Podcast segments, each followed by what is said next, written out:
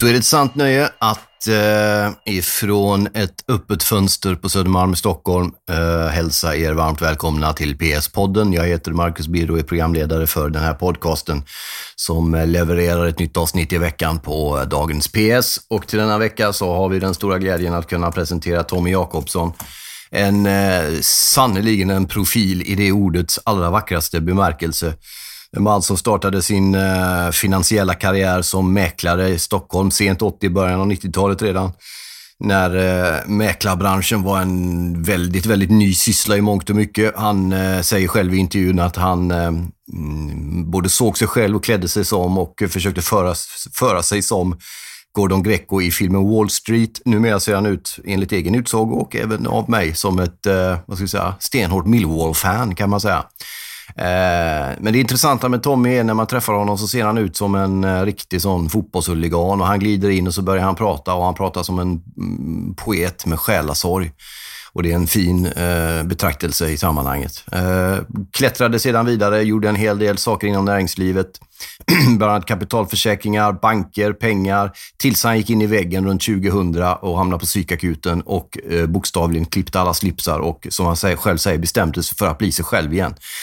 Tog sedan vidare eh, en del snåriga vägar genom en del börskrascher, kom upp igen och eh, eh, blev bland annat ordförande i Djurgårdens idrottsförening, något som han var ett tag fram tills han avgick ihop med tränare Magnus Persson för ett antal år sedan efter att Magnus Persson blivit utsatt för hot av fans och har sedan dess överhuvudtaget inte ägnat svensk fotboll speciellt många tankar, trots att han är ett Arsenal-fan.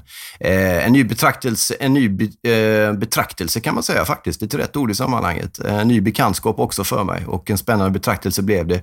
Jätteglad att få träffa honom, hoppas att ni har utbyte av intervjun eh, och tack också till Tommy som ställde upp och eh, vågade vara så modig att bjuda på sig själv. Det är en fördel när man eh, ställer upp och pratar i de här sammanhangen och det ska han ha all heder och ära av eh, för. Så stort tack till Tommy, tack för att ni lyssnar och mycket nöje.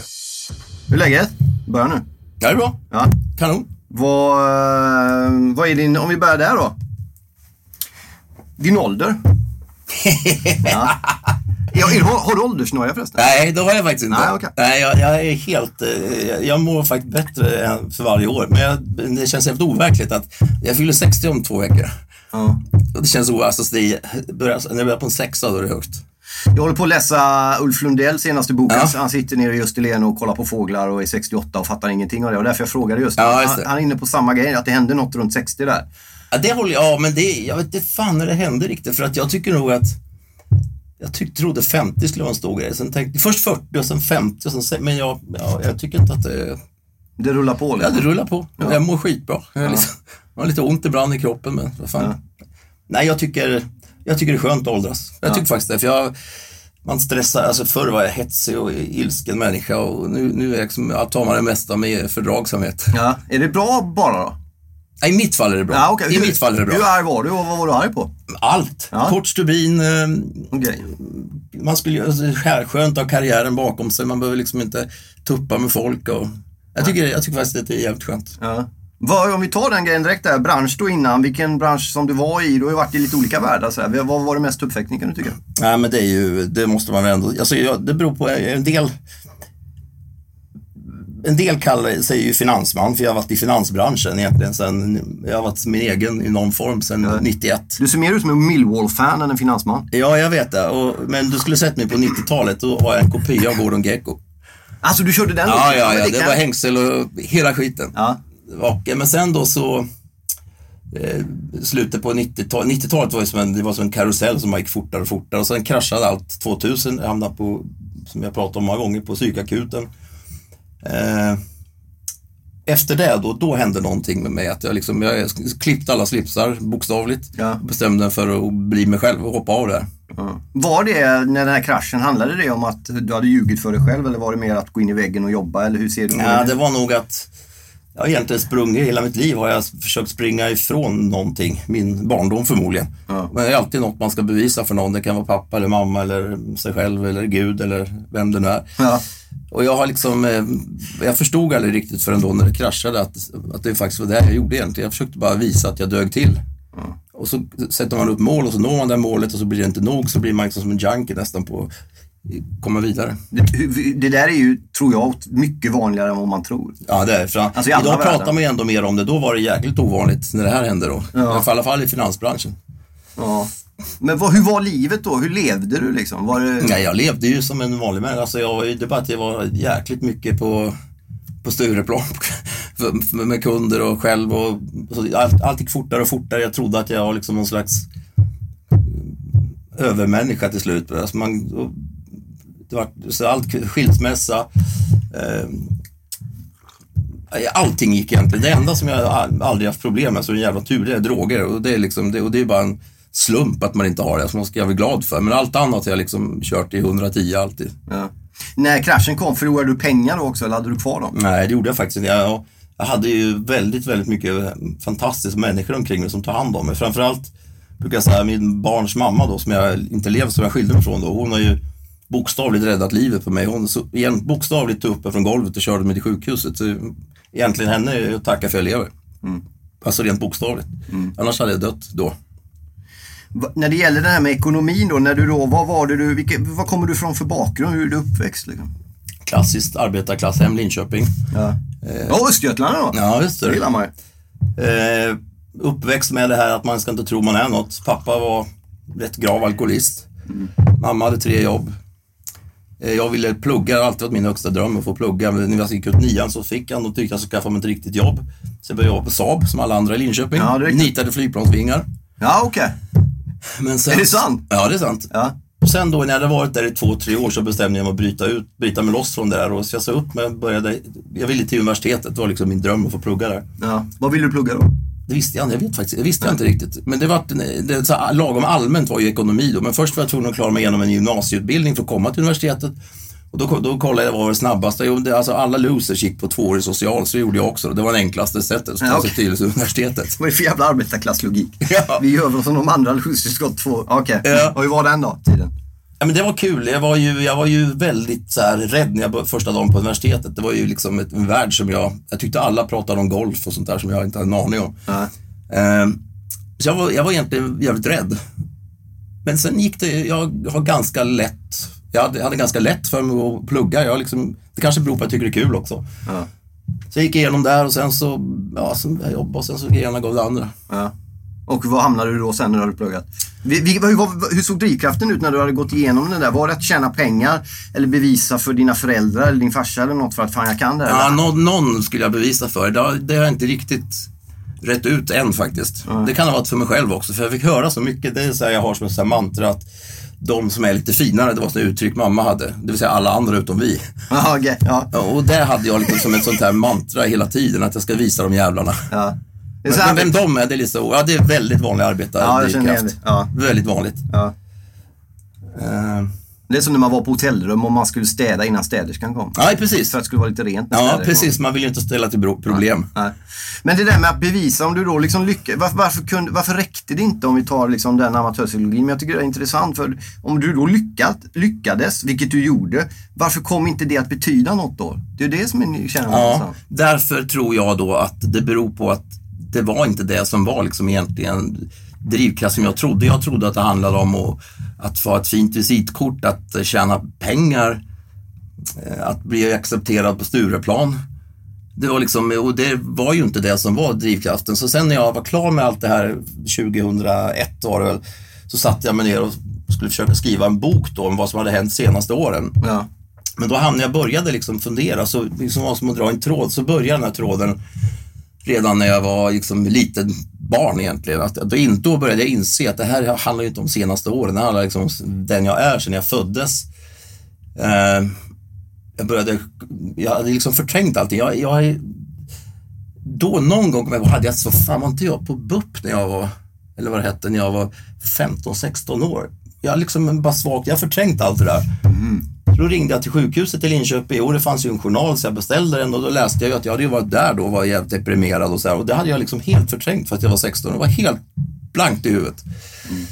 Så att det var mycket sånt här som jag hade tryckt undan som jag släppte fram då. Det är ju liksom ofta sen när man börjar med jag gick hos en psykoanalytiker, psykiat, psykolog då i, jag har gått i 15 år tror jag, till en dag kände att jag pratar färdigt. Det finns inget mer att säga. Ja.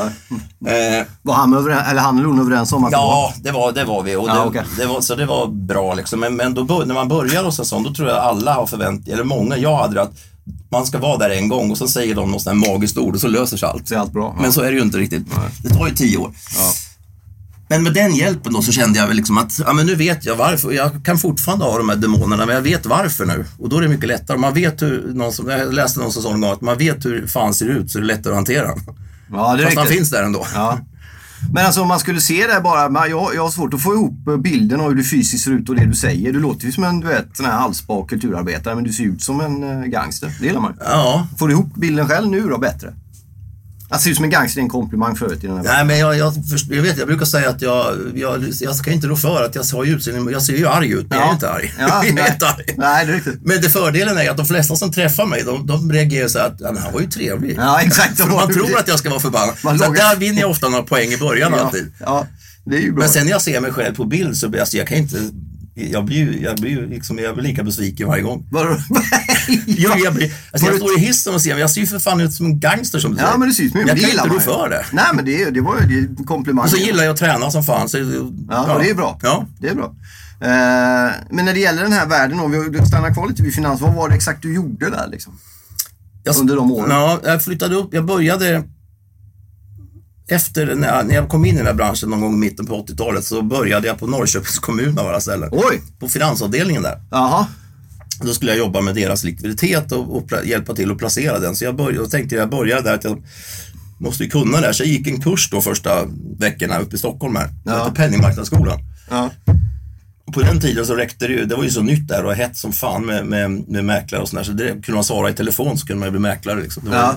det kunde jag. Ja. Så jag, jag jobbade bara ett halvår i Norrköping så blev jag uppringd av, den här, av en mäklarfirma i Stockholm som undrade om jag inte ville flytta upp. ja. Så jag gjorde det, jag tog med mig den dåvarande frun och flyttade upp här. Och vad, vad är vi i år? Vad är vi i Nu är år? vi 1986 på hösten. Hur såg mäklarbranschen ut då? Den var färsk som fan, det var eldorado. Jaha, okej. Ja, det var verkligen eldorado. Det var ju liksom, det var som, det var som, du har väl sett Wall Street antar jag, filmen? Ja, det var, oja, det var som där. Alla Ja. sprang runt i telefoner och, Fattade ni vad andra fattade några år senare? Att här kommer det, det här kommer, såg du den, den nej, utvecklingen? nej, det vore lögn att säga att det skulle gå. Men vad var det ni såg som ändå inför 86 då? Vad, vad fan, det fanns väl inga bostadsrätter knappt?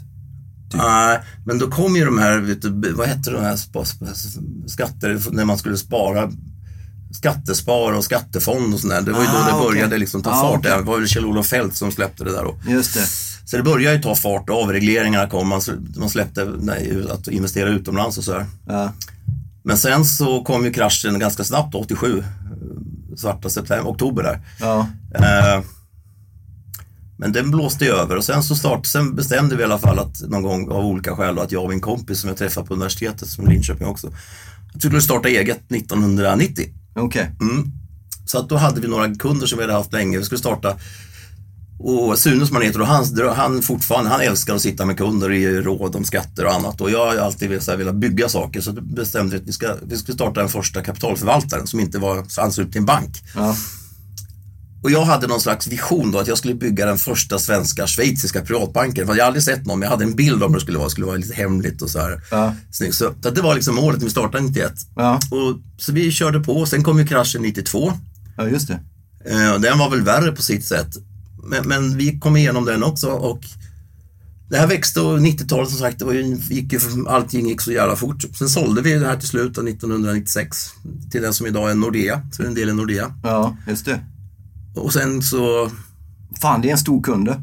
Alltså att bli köpt av. Som ja, sen blev då det. var det Unibank som var den danska banken som sen då gick upp i Nordea.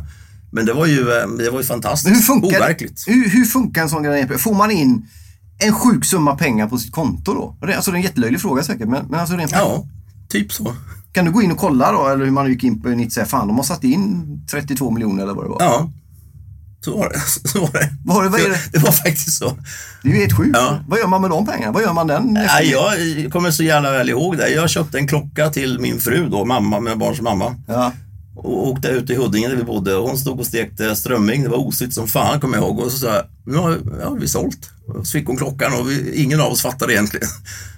vad som hade hänt. Men det blev ingen större, liksom, inga jävla hus i Spanien? och nej, nej, nej. Okej. Varför inte då?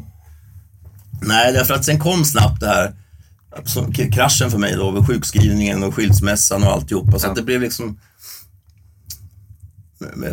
Nu har jag ett hus i Spanien. Alltså, du har det? förra året. Ja, okej. Det tog lite tid bara. Ja, precis. Nej, men... Eh, ja. Men, så att kom kraschen nära in på den här försäljningen? Eller ja, det var väl ett par år efteråt. Okej. Vad gjorde du däremellan innan där? Startade du upp något? För du gillar att bygga grejer säger Ja, du? nej, jag var kvar på det här stället till kraschen kom. Ja, okej.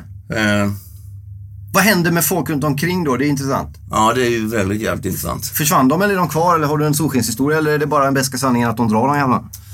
Ja, Men många drar ju, så är det ju. Men no, alltså, några var ju kvar och tillräckligt många för att vi skulle kunna starta upp igen 2001 då, det som vi har idag då. Ja. Och det var ju några som, jag menar det, var ju, det är ju några sådana här solskenshistorier. Det var en kund som vi hade, så, har, som, som är väldigt, väldigt framgångsrik då, på sitt område. Han sa till mig när jag kraschade att han åkte hem och sa du, jag vet vad du behöver för att må bättre. Så tog han med mig till, han höll på med trav Ja. ner till eh, Mälsåker utanför eh, Mariefred där och, och till en travtränare. Och Han tyckte du ska vara med hästar, då kommer du må bättre. Ja. Så jag, då började jag med trav, köpte en häst Jaha.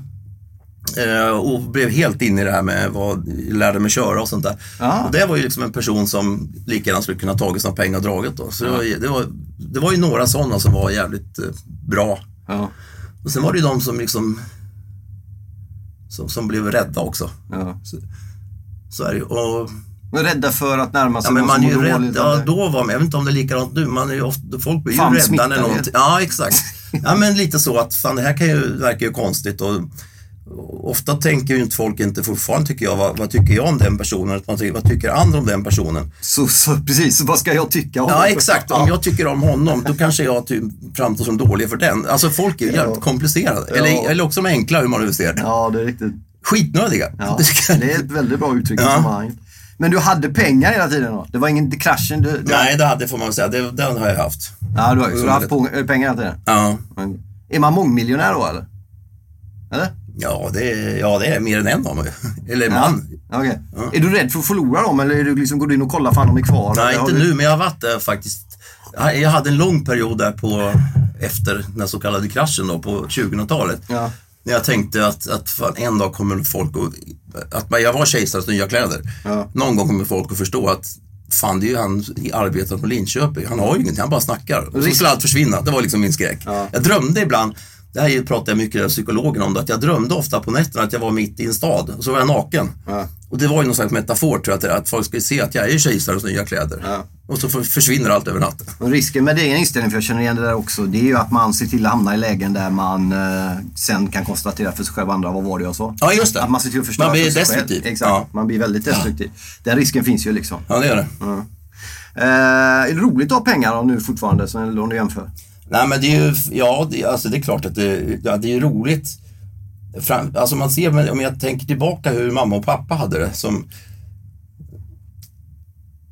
den här extremt, inte låga självkänslan, obefintliga självkänslan. Folk tyckte, såg ner på dem och de såg, var rädda för alla. Det är klart att det är ju en frihet, så är det ju. Ja. Så är det. Ja. Jag hade ju pengar en gång. Alltså inte i närheten av det Ja. där. Jag har inte varit i den världen, men jag hade ändå en, en eh, medial topp någonstans för ett antal år sedan där jag tjänade rätt bra med pengar. i Mina mått mätt. Jag levt på socialbidrag i större av Innan middagen. Va? Innan den här middagen. Ja, exakt. Innan lunchen ja. Ja, lunch det exakt. Ja. Ja. den, ja, just det. Precis. Den hemliga lunchen. Ja, exakt. Vi satt vid ett fönsterbord i Gamla stan, Sveriges mest kända gata. Men eh, precis, så efter det rasade allt. Vi kan komma in på medier och så strax där. Men jag tänkte bara kolla. Det, och sen att, ha, att inte ha pengar och sen att ha pengar och inte ha pengar. Det är mycket jobbigare. Mycket värre än att aldrig ha några. Ja, det är det tror jag också. det har jag faktiskt tänkt många gånger på. Ja. För det är lätt att fastna i Ja, levandet ja. och så plötsligt kan man inte det längre. Och framförallt den här känslan, den här, inte känslan, den verkligheten att att jag, liksom, jag, om jag, jag kan gå och klippa mig imorgon utan att behöva fråga någon chef. Sådana saker kan jag fortfarande inte tycka är så, Exakt. så lyx. Men kan du påminna dig själv om hur jävla underbart det är? För det där Ja, är, det nu snackar jag. du frihet ofta, på riktigt. Ofta prat. Jag tänker jätte, jag kommer ihåg precis de här åren på Saab som var som ett jävla fängelse. Jag åkte in 12 minuter i sju, den här grindarna och så ner i ett jävla berget hette det. Man åkte ner i underjorden och stod och nitade den här skiten. Ja. Och jag hade sån ångest då den här tiden. Och så var det fredag, då skulle man supa skallen av sig. Ja. Och sen blir det söndag och kom ångesten. Ja. Och att slippa det här liksom. Och skulle man gå på toaletten fick man be någon om lov nästan. Ja. Den är, tycker jag, den tänker jag jävligt ofta på. Ja. Kunna gå hit nu utan att fråga någon. För Ja. jag tycker det är kul. Alltså det där är ju frihet. ja. Och gör vad man vill med sin Ja. tid. Sen Samma idé. pengar, alltså det, tror jag också är lite olika. Jag, jag är ju inte rik i, i, i, i den meningen som folk i de här kvarteren är. Då är jag en, en fattiglus liksom. Men, liksom. men för det har jag aldrig haft. Jag har aldrig varit sån här ekorre att samlat på Men vad, vad, bankkontot. vad är, vad är, hur mycket pengar har folk här omkring? då? mycket. Alltså här, nu är efter de här senaste åren, alla listor, alltså, brukar skämta ibland, har man inte en miljard då ska man bara hålla käften. Alltså, Shit, det, det- det, det- överdriver ja, jag men mycket, det är men, många jag miljoner. skämta om det Sune och jag. Liksom. Men jämför, jämför ni med andra? Nej, men det kommer ju listor då och då. Ja, ja. Men nu är det ju liksom spel, de här spelbolagen och allt sånt där. Det är ju, det är ju liksom, det är ju väldigt annorlunda nu. Ja. Hur ser du på, du verkar ju vara, både det man läst på bara den korta stunden vi har suttit där, en, en tänkare och en människa med både stort hjärta och utsatt sinne i behåll. Jag läste någonting om svenska affärsmän i Frankrike, att de var så trötta på dem för att de pratar bara golf och båtar. Ja. Det fanns liksom inget djup någonstans. Nej. Vad är din erfarenhet? du har varit i olika delar av världen. Ja. Olika världar ska jag säga. Ja, olika världar, däremot har jag nog inte haft olika, jag har varit väldigt lokal hela mitt liv. Ja, ja men olika, liksom... Nej, men jag tycker precis att den ena världen är inte bättre än den andra. Jag, brukar, jag tycker det är rätt kul att vara ute på gymnasieskolor och bara prata om entreprenörskap. Här, tycker jag är skitkul. Ja. Då brukar jag ofta säga att det viktigaste, jag tog- ett ex- exempel, jag var på, på en skola uppe på Östermalm och alla såg exakt likadana ut. De hade Fred Perry t- t-shirt och små söta blusar tjejerna. Och de skulle, när jag frågade hur många av er vill bli entreprenörer? Alla räckte upp handen, de gick, de gick på entreprenörslinje också. Och hur många av er högsta dröm att komma in på Handels i höst? Alla räckte upp handen. Och så pratade jag och så frågade någon, ja, men vad tycker du, vad är viktigt om du ger mig några råd för liksom, vad du ska, hur vi ska komma bli entreprenörer? Och så att det första ni ska göra, ni ska gå ur muff i eftermiddag, allihop. Ja. Jag har inget emot muff, men alla, så här, titta, ni ser ju fan likadana ut. Om ni ska starta ett företag, hur stor är sannolikheten att dina anställda, dina leverantörer, dina kunder kommer från Östermalm? Den är jävligt liten. Ja. Och kan man inte då röra sig i de här olika världarna som finns? Jag, brukar, jag tycker, älskar ju det här med att vara här, tycker jag är kul. Jag har en kampsportsklubb. Ja. Eh, Jag, jag driver, eller med och driver en stiftelse heter Goodsport som jobbar med integrationsfrågor. Just att bara röra sig i de här olika världarna, det tror jag är jättenyttigt. Ja. Alltså man kan liksom, man är inte rädd för olika världar. Ja. Den kampsportklubben, det är ju liksom, alltså komma ner där en kväll, det är väl 95 procent utländsk härkomst. Ja. Alla liksom kramas och man, alltså, ingen vet vad jag gör, man skiter i vem man är. Ja. Där är man, och det är liksom, eh, det är så energigivande. Och det tror jag att jag har haft jättemycket nytta av i min vardagliga jobb. Att, ha, att kunna umgås och trivas med alla typer av människor. Det tycker jag är en brist här, att det är så konformt allting. Ja. Ja, det är ju ett getto fast bara Ja. ett annan typ av getto. Ja, det är en get. Nej, det är väl sant. Ja. Vi måste ju ta in eh, fotbollsdelen också. Mm. Vi är Djurgården va? Ja. Ordförande i Djurgården. Mm. Eh, under eh, tre, fyra år va? Fyra, fem nästan. tre, fyra, och jag var med i styrelsen i 13 år. Ja. Och, eh, ja, ordförande var säkert tre, fyra år. Sånt där kan ju vara liksom någonting som bara händer av en slump eller ska det vara en plan? Vad var det i ditt fall? Ja, jag var ju jag har ju varit egentligen, jag, jag har varit djurgårdare sedan 80-talet när jag bodde i Linköping. Jag läste om Leffe Bork när de började med sina ormmarscher och Just det, han spelarna skulle läsa böcker och sånt där. Ja, just det. Och så Det- sa han någon gång, det som fastnade hos mig då, det att det ska göra ont att möta Djurgården. Då tänkte jag, fan vilken cool kille Bork Ja, alltså. ja. Så att, eh, Han är rätt cool fortfarande. Ja, men han är cool. Ja. Det var så här bucket list när jag fick träffa honom för några år sedan. Ja. Men då så, eh, så jag var Djurgården, sen flyttade jag upp till Stockholm. Då skulle Djurgården Hockey börsnoteras, så kallat 96, skulle vara första föreningen som skulle noteras. Ja. Och då valde man en styrelse och då ville man ha några som inte, var, som inte jobbade i föreningen, man var externa. Så, så då var det jag och så en kille som heter Bosse Lundqvist som då precis blivit ordförande i fotbollen. Ja. Eh, det var ju ett jävla liv då med hockeyn. De skulle, om de fullföljde det här skulle de kastas ut ur elitserien och sånt där. För, Ja. så de, eh, sista natten, pengarna var inbetalda från investerare, det var SE-bank som skötte det. Då backade styrelsen ut och, sa att vi, vi vågar inte fullfölja det här. Och Jag tyckte det var fegt. Bosse Lundqvist tyckte också det. Då sa han att, men fan, kom över med mig till fotboll jobba med fotbollen då. Ja. Så gjorde jag det. Ja. Det här var 98 tror jag. Så Det du kom så- in som hockey egentligen? Ja, just det. Ja. Jag var ju egentligen hockey. Jag har kollat hockey sedan jag flyttade upp Stockholm. Ja. 90 år, årskort. Eh, alltså kom jag in i fotbollen och det var ju en fantastisk tid de här 2001 och 2002. Kim Källström, Isaksson, Stefan Rehn, Elmander kom hem. Det var ju liksom ett... Shit, ja, vilket lag Ja, då. det var ju fantastiskt häftigt. Så Ja. det är ju det är några av de roligaste så, alltså, i mitt liv. Stunderna jag varit med Djurgården. Ja. Men sen blev det ju stökigare då. Ja, det beror väl... Alltså jag borde ha slutat tidigare. Man ska sluta när energin tar slut. Ja. Och för mig var det på slutet, det var väl liksom, jag fick ju någon sån här, för mig var ju inte matcherna viktiga på slutet. Jag hade ju en idé som jag uttryckte att Djurgården ska bli något större än en fotbollsförening Ja. på Östermalm. Vi ska bli liksom en del i samhället. Ja. Så där brann jag mycket för, det Djurgårdsandan som vi hade då. Och, och det är klart att den inställningen har ju inte alla. För många är ju matcher på söndag viktigast. Ja. Och det jag, fatt, jag uppfattade, jag trodde nog att, att, att eh, jag, jag förstod inte de, de olikheterna. Men när du menar alla, pratar du om alla i styrelserum eller i organisation eller menar du även fans hela klubben? Hela klubben. Alltså Ja, driva en, en fotbollsklubb, en idrottsförening är mycket svårare än ett företag. För då, ett företag då har man sagt gemensamt mål att vi ska tjäna pengar eller något. Ja. Men en idrottsförening, alltså då har du ju alla ifrån som brinner för ungdomsfotbollen, som Ja. jag ska bli något, någonting till de som skiter i allt om vi inte vinner på söndag. Ja. Det är ju en enorm, och så har du en kategori som, som ju vill göra karriär då genom att ta sig fram i organisationsvärlden. Ja. Genom att sticka knivar i ryggen på folk, och, som politiker ungefär. Ja. Alltså, Som vi klättrar i hierarkin. Ja, exakt. Så det finns det är hela spannet. Ja. Och det är jävligt energikrävande. Men sen eh, så gick, du, du var ju ordförande i klubben och sen gi- avgick du 2013 då. I samband med en del hot som riktade. Magnus Persson. Mm. Precis. Eh, och det där är ju en snackis. Jag jobbar mycket med, med allsvenskan medialt i andra sammanhang och det där dyker ju upp eh, med olika jämna mellanrum. Mm. Ja. Fortfarande. Ja, det är just den händelsen. Ja, okej. Det är de grejerna som hände i Djurgården och så. Eh, och det var en del hot och sån skit inblandat. Så. Vi pratade om det innan vi drog igång det. Påverkade det din, din kärlek eller din tillit eller din tillgivenhet? Ja, men för mig var det nog att, jag, brukar säga också som in- inte alls för förolämpande, men jag har aldrig liksom, jag kan inte känna lojalitet till ett klubbmärke. Jag känner lojalitet till människor. Och i det här fallet så var det Magnus som vi hade, liksom, vi hade en vision ihop vad vi skulle bygga. Så att ganska snabbt när den här händelsen hände då, det var en måndag han ringde till mig. Vi hade förlorat mot Elfsborg. Så ringde han på kvällen och sa att han hade blivit uppringd av ett gäng supportrar, så han skulle avgå.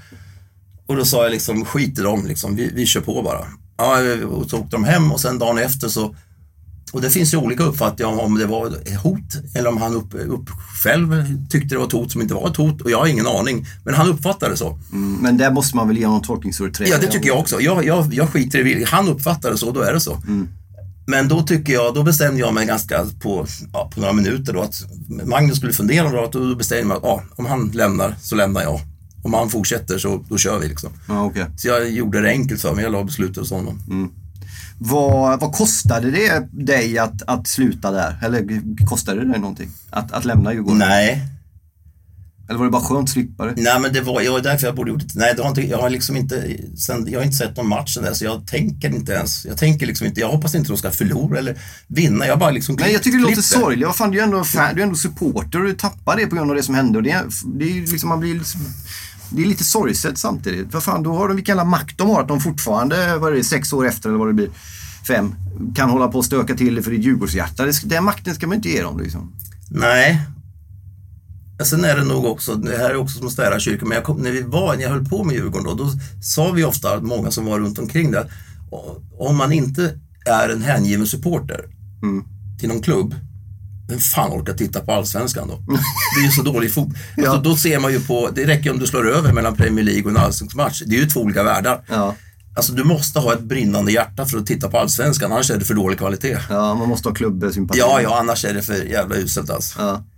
Eh, så du sa, det finns ingenting med fotbollen du saknar nu liksom? Ingenting. Nej. Nej. Tvärtom, vi startade, bestämde vi att vi skulle starta kampsportsklubben, jag och en kille som slutade då också. Ja. Och starta Djurgårdsandan då, vi, som var Djurgårdsandan som idag heter Good Sport som vi tog med oss och började jobba med det då, med integrationsgrejerna. Och Så att, nej, jag liksom, jag, jag, känner, jag känner inte att jag har lämnat något. Hur jobbar du med den nu då? För nu kommer det ju många nya hit till Sverige och sådär. Ja. Vad är, det, Ja, men vi har ju tre projekt egentligen. Det ena är något som vi kallar nattfotbollen, där vi har, på, vi har väl 2000 ungdomar varje helg runt om i Sverige.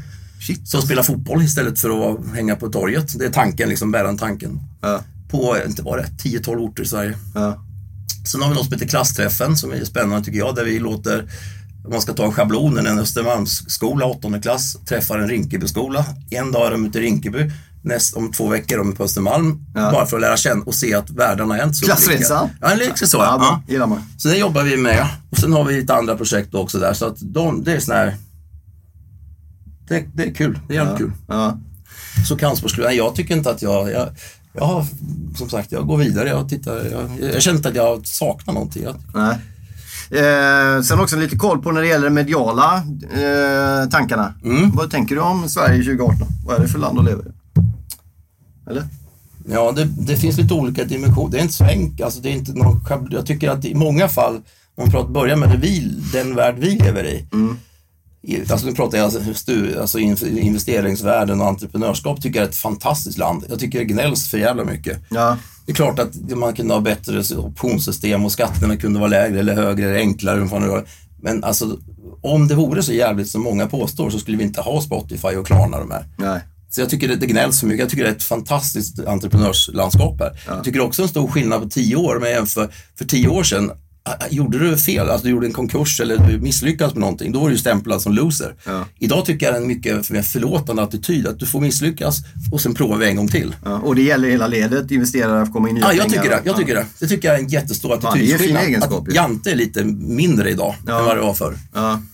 Sen är det ju, sen om man lämnar liksom i den här Stureplan och den här världen runt omkring entreprenörsvärlden, då är det ju, det är ju ett det är klart att då är det ju inte lika roligt att titta vad som händer runt om i, om, det, om de nu är no-go zones eller inte, det debatterar ju många, men med de här områdena där det är skjutningar och sånt där, det är ju inte kul. Men hur tänker du då som jobbar med integration i, i praktisk vara verklighet när du lyssnar på politiker som pratar om integration? Du Ja, därför jobbar- jag tycker att de inte, de borde jag, jag tycker att de borde nog eh, ägna lite mer tid i de här orterna och träffa de här människorna istället för att sitta på sina fina lägenheter på Södermalm Ja, och berätta om hur det borde vara. Ja. ja. Alltså, det är ju nästan patetiskt man ser en politiker oavsett parti och, och åker runt och ska visa upp sig i någon förort och så är det, liksom, det är pressekreterare, det är vakter och så går de runt ett torg så här Ja. och uttalar sig, sen åker de hem. ja, fort som fan. Ja, och liksom, jaha. Ja. Nej, där tror jag, alltså, jag har ju, just när det gäller eh, politiken, Ja. man kan säga ibland att man har, man har de politiker man förtjänar. Ja, det är riktigt. Och då, då, då borde jag ha gjort ett bättre jobb i livet. Ja. Om jag, om jag inte förtjänar mer än så här. Nej, nej, okej, nej. Man kan ju välja att inte rösta. Ja, Men vad tycker, det kanske inte är ett val för dig? jo men det är det. Alltså, jag har ju, det är inte många val jag har röstat Nej. sedan jag blev 18 år. Nej. Och där har jag väl också kanske tänkt om nu lite grann att om man inte gör det. Jag har en fru som är väldigt, väldigt eh, förbannad på mig för det. Jag har eh, talat om för mig att då ska man, då, då ska man liksom hålla käften om man inte ens orkar rösta. Ja, hon tycker det är medborgerlig plikt att Ja, hon tycker det, Ja, ja. men det ligger mycket Ja, jag, jag har lyssnat på det så att jag, Ja. jag tycker inte det är enkelt, det ska jag säga. Jag Nej. tycker inte alls det är enkelt. Nej. Och just att det, det, alltså, man tittar på partiledardebatten nu och utfrågningar senast igår. Ja. Det är slående hur man idiotförklarar väljarna genom att det är journalist eller en fråga så konsekvent svarar politiker på något annat. ja, det är riktigt. Alltså, det- då måste man tro att den är dum i huvudet som tittar på det. Alltså jag, Ja. Det där är ju nästan, det, det är ju det är en förolämpning. Ja. Exakt så tänker jag, därför röstar inte jag. Det är liksom en lojalitet, Ja. det är närmast en kärleksförklaring att gå så förtroende vart fjärde år och lämna en röst till någon. Och jag ser inte någon människa som har gjort sig förtjänt av det förtroendet. Det är så jag Nej, jag håller med dig så. Men, det, men det, det där, jag tycker det är en komplicerad fråga. Jag kommer nog att, jag kommer nog att rätta in i min frus ledning. Ja, men det ligger mycket i det med. Ja, det gör det, ja. det är liksom, ja. Eh, sen måste vi ta en grej där som eh, en kollega berättade om den här ID-kapningen. Visste de vem de var de ID-kapade? nej, nej. Det gjorde de inte, det var en slump bara. Ja, okej. Och du gette på dem eh, efteråt? Eller? Alltså, Vad var det som hände då? Vi börjar där då. nej men det var ju så att vi mär, i- först med en, en dagars mellanrum. För de var ju på bröllopsresa va, de jävlarna? Ja, just det. Jo, Ja. Men jag fick, först fick jag då ett, ett kravbrev från, vilken bank var det? Ikanobanken tror jag. Oh, Att jag var skyldig dem 100 000 eller 101 000 för något lån jag hade tagit. fan Älmhult, det är stökigt. Dagen efter fick min fru det. Ja. Samma, och då började vi, fan, vi har inte lånat pengar. Men i alla fall för en lång historia kort. Någon hade då ansökt om lån i mitt och min frus namn och två andra i portgången ska jag säga. Och då kan man alltså gå in och ansöka om lån. Som jag sa, det är helt absurt. Och få ett lån utan att träffa banker överhuvudtaget, bara på nätet. Ja, ja, det, ja precis. Ja. Ikano är en av dem. Ja, det är inte klokt alltså. Rätt bra, jag har gjort det faktiskt. Men att man inte, alltså man skulle ju förlora till, att de skulle ju förlora tillstånd. Jag tycker det är helt Ja, det är absurt. vansinnigt. Då skickar de en bekräftelse Ja. till brevlådan och då vet de ju om de som har gjort det. Så de hade ju en sån här eh, springare då som stod och fiskade brevlådor. Det var så jag upptäckte det sen en, en vecka efteråt. Allt, det här löstes ju lätt fort som fan. Och sen när det här stod i det här och sen tog DI upp det så banken var ju skit. De strök ju det här utan problem liksom. De ville bara få tyst på det. Ja, Men då var det en morgon när jag skulle gå till jobbet. Så går, jag ut, då ser jag det går in en person som inte bor i huset. Så Ja. kommer jag ut och tänker, fan det där ser skumt ut. Så gick jag in igen. Ja. Och så, säger jag, och så står han och fiskar i postlådan. Så tog jag tag i honom och så du säger jag, hur, vad, vad gör du här? säger jag. Så, jag, är du polis eller? Jag, jag inte polis. Och då tänkte jag, men du kommer inte härifrån, så jag. Så tänkte jag, ska, jag, jag sänker han, tänkte jag. Ja. Med en krok eller något. Ja, på ett millwallaktigt sätt. Exakt, Ja. för jag var så jävla arg då. Ja. Så, jag la, så tog jag tag på honom i axeln, varpå han då, jag, han såg så jävla långsam så jag var inte riktigt på hugget. Nej. Han slet sig loss och sprang ut ur huset, så jag sprang efter. Ja. Jag fick inte tag på honom. Så gick det några dagar och så får jag se karln igen där komma in en morgon. Nej, han Då gör- ser han mig, Ja varpå jag tvärvände tvärvänder och han springer och Jag förmodligen har jag sprungit ut genom huset, för jag då kallade på några grannar, ställde ut dem, och så ringde jag polisen och sökte vi igenom hela huset sen. Det var ju sånt som på film där han skulle vara. Men, fick ett, men sen då, ett och ett halvt år senare, i våras, fick jag ett meddelande från polisen, eller vår, vår förening då, att de hade hittat hon, honom då, men för han hade de gjort, det är ju en liga som gör det överallt. Men jag, så det var uppklarat vårt nog.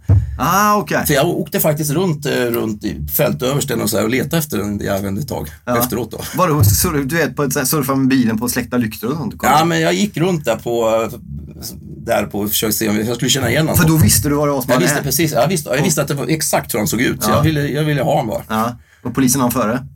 Polisen för. Ja, du kan vara nöjd över det kanske? Eller? Jag frågade polisen då vad som, när de kom då, om jag, hade- vad jag, vilka rättigheter jag hade. Ja. För jag hade rätt att brotta ner han Ja, okej. och det hålla fast han. Ja, okej. Inte slå i ansiktet? Men inte så, nej. Nej. Så då, då tänkte jag, då håller jag bara. Ja. Så det får man göra tydligen. Men det ska jag komma ihåg nu. Ja, till nästa gång? Ja. Ja, ja det har löst sig. Det är inga, det är inga grejer nu? Nej, nej, de, de var ju mjuka som katter i Kanobanken. Ja. Bara för att få, inte få dålig publicitet. Nej, nej.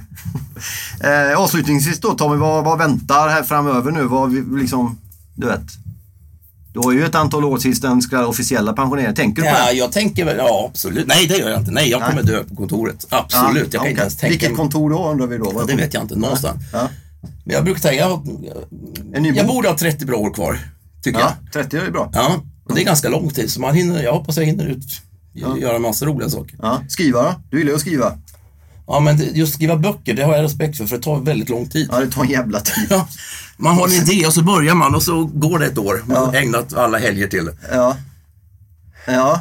Och så får man sitta hos Malou en kvart och sen så säljer ingenting ändå. jag, jag Eller dina böcker böckerna- säljer kanske. Nej, det, det, är, det är så pinsamt som man dör. Jag satt på något köpcentrum någon gång där inte en jävel kom. Nej, men då ska jag säga det. det är så jobbigt. Nej, men när det gäller boksigneringar. Och så satt Björn Hellberg bredvid. Han hade inte en heller. Nej, exakt. Vi satt och tittade på varandra. Exakt. Björn Hellberg han signerar ju på, i alla gallerier, alla helger. Och ingen kommer. Ingen kommer. Och ingen kommer någon gång. Han är ändå en av Sveriges kändaste Ja, nej, men det är Så det där är jättepinsamt. ingen idé att ångest över. Nej. Men du tycker det är kul att skriva? Jätteroligt. Memoardelen då? Har du tänkt på den grejen? Sammanfattare. Du sa själv där, börja nysta i trådar. Det är ju intressant. Och Ja, men det, man skulle kunna göra en rolig, så jag tycker det var rätt kul. Det är ibland jag tänker på alla, eh, alla lustiga advokater jag mött eller Ja. alla finansmän jag mött eller alla män. Den typen, alltså man har inte mött så mycket roliga människor och Ja. konstiga människor. Ja. Det skulle ändå vara kul att göra, men jag har ingen riktigt bra, i, jag har ingen riktigt bra idé hur man ska paketera det. Men någonting där, alla, Märkliga typer av... ja, alla märkliga typer. Varför har du mycket, så mycket advokater för? Nej, det var bara ett exempel. Ett tag var det mycket, Ja, okej. men, men liksom olika typer av människor man har mött. Ja. Fotbollsvärlden tror jag skulle kunna vara Djurgården inifrån. Ja, Fast nej. nej. Nej, nej för fan. Låt bli det. Eh, Olof Lund gjorde ett kapitel som var helt underbart, den senaste boken när vi, när vi värvade Curinio.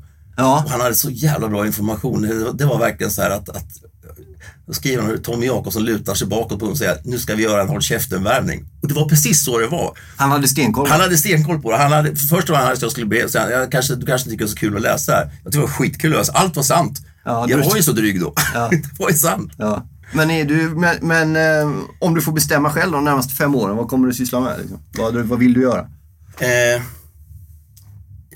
på jobbet så vill jag så vill jag, jag vill hitta några fantastiska, bo, kul bolag till att bygga. Ja. Hjälpa till att bygga. Som Sound och de här som jag har jobbat mycket med. Ja. Hitta några sådana. Inom vilken gebit som vi säger? Det vet jag inte. Nej, okej. det är, alltså, det för mig, är när, när vi investerar i någonting, det, det är liksom, det låter som en floskel, men det är, det är entreprenören vi investerar, människan. Ja. Därför att affärsidéer, det enda man vet, eller planer, affärsplaner, de kommer aldrig hålla. För verkligheten förändras. Ja. Det ska vara de människor som, det finns ju sådana här talelser, många tror att den starka överlever, men så är ju inte djungelns lag, för då hade ju dinosaurierna levt. Ja. Det är ju den som kan anpassa sig som överlevde i historien, evolutionen. Och det är samma i, i entreprenörsvärlden, ska man anpassas till nya verkligheter, den överlever. Så det är jätteviktigt. Jag ägnar jättemycket tid åt att prata med folk och lära känna dem. Och, Ja.